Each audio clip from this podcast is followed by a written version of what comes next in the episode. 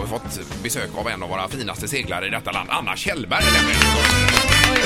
Ja, eh, välkommen Anna. Ja, tack. Det var en fin presentation. Jo, men det är ju sant. Alltså, Ja, ja. så är det ju. Eh, Men eh, just det, tjejerna är tillbaka på Marstrand i år, för i fjol var det inte så, Anna. Nej, men vi är jätteglada. Vi får vara med igen. Mm. Förra året var det lite tajt schema. Så att, ehm, ja, nej, men vi ser fram emot att komma tillbaka. Det väcker goda minnen. Eh, Ja, det är ju eh, jättetrevligt. Och eh, om vi börjar med lite med OS där, hur det var att vara med i i London och segla. Ja, det var ju helt eh, otroligt faktiskt. Det var skithäftigt. En upplevelse som eh, är helt enorm. Eh, Har man Eh. fått blodad tand på att vara med igen där kanske? Ja, alltså våran... eh, Alltså jag måste byta seglingsgren för att få vara med igen. För de tog bort matchracing för damer till nästa Ja, OS så då. var det ja, just det. Så det blir lite som att byta sport. Det känns Ja. inte så aktuellt för mig just nu. Nej, okej. eh, För det är matchracing som är din stora Ja. grej. Ja. Ja, det, det som jag tycker är kul med seglingen finns i matchracingen. Det är, Mm. det är tajta race och det är nära land och det är socialt och eh, man får sova i en riktig säng och sådär. Så det känns bra. Kan, kan du bara beskriva kortfattat om man nu kanske lyssnar här och inte har någon aning om vad detta handlar om. Vad är det för någonting i matchracing? Ja men det är ju väldigt enkelt. Det är två båtar som möts och första mål vinner. Eh, och eh, som sagt vi seglar nära land så att det är lätt att följa men eh, alltså för oss i båten så är det inte riktigt så simpelt. Det är sjukt mycket taktik och Regler. Ja, regler, ja Och precis. psykningar. Ja men lite så.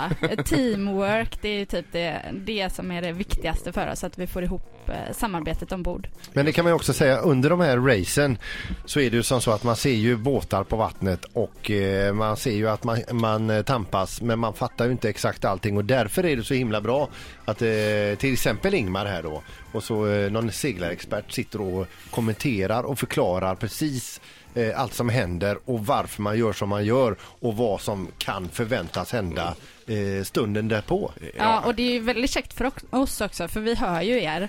Så direkt efter start så kan ju vi som är från Sverige då förstå ungefär vart vi borde segla. Mm. Vi ska prata lite tystare i årarna här så att det inte är no någon, några försprång alls. Ja. Eh, Men eh, okej, vad tror du om möjligheterna Anna för, för din... Du har ny besättning eh, om inte annat. Ja, det är skitkul. Vi är helt nytt gäng och vi har eh, ganska mycket att jobba på, på det där med och jobba ihop oss som lag. Men eh, det är duktiga seglartjejer så att eh, förhoppningen är ju självklart att vara med på semifinalen på fredag och sen eh, vet fasen, det kan nog, eh, ja, det bra, kan ja. räcka Mm. långt. Ja, det är härligt. Och Martin, hur är det upplägget då? För att det är lite grundseglingar först och sen kommer det kvartsfinaler på... Var det på torsdagen sa du? Ja just det, Ja. ja. grund, och det varvas herrar och damer då för Ja. eh, damerna är ju tillbaka och det är, det är en standalone tävling medan herrarna är ju en del utav eh, världscup, eh, världscupen då så att eh, måndag, tisdag, onsdag grundomgång, herrarnas kvartsfinaler på torsdag, semi på fredag och finaler på lördag helt Eh, enkelt. och matchrace eh, race nu alltså, hur, hur, hur många hur stor är besättningen på en båt? Eh, vi tjejer vi är sex stycken ombord. Mm. Killarna kör på fem. Ja. Ehm, och det är ganska stora båtar, 37 fot stora och eh, stor spinnaker så att det blåser det så är det stora krafter och eh, häftigt att köra. Mm. Är det någon som har räknat på hur stora krafter det är? Det är, pff, det är det säkert någon. Peter älskar nämligen att räkna på saker och Du ting. kan så få hänga med och testa. Ja visst. Ja. Och räkna samtidigt. Ingmar var ju, du var ju med för Eh, några år sedan. Ja, just det. Det Här stämmer. seglat. Ja, ja, ja. Jag hängde med Det bak där. Ja, jo, jo, jag stod ju bara vann. still och tittade på. Nej. Jaha, du tänker på den Ja. tävlingen? Ja, just det. Ja. Det var ju någon Volvo-tävling var Ja. det. Där fick jag segla med Anna och det gick ganska bra då, ja. Mm. Gjorde det. Vann ni? Efter det så fick ju vi faktiskt komma tillbaka hit till studion så jag tänkte om vi vinner Stena Mm. eh, så kanske vi kan eh, göra en ny deal där så vi har någonting att jobba mot. Liksom. Ja, det får bli augusti då. Ja, det blir bra. Men det kan vi väl lova här nu Peter, att, Ja, det, ja. att det blir på det viset. Ja, ja. Ett poddtips från Podplay.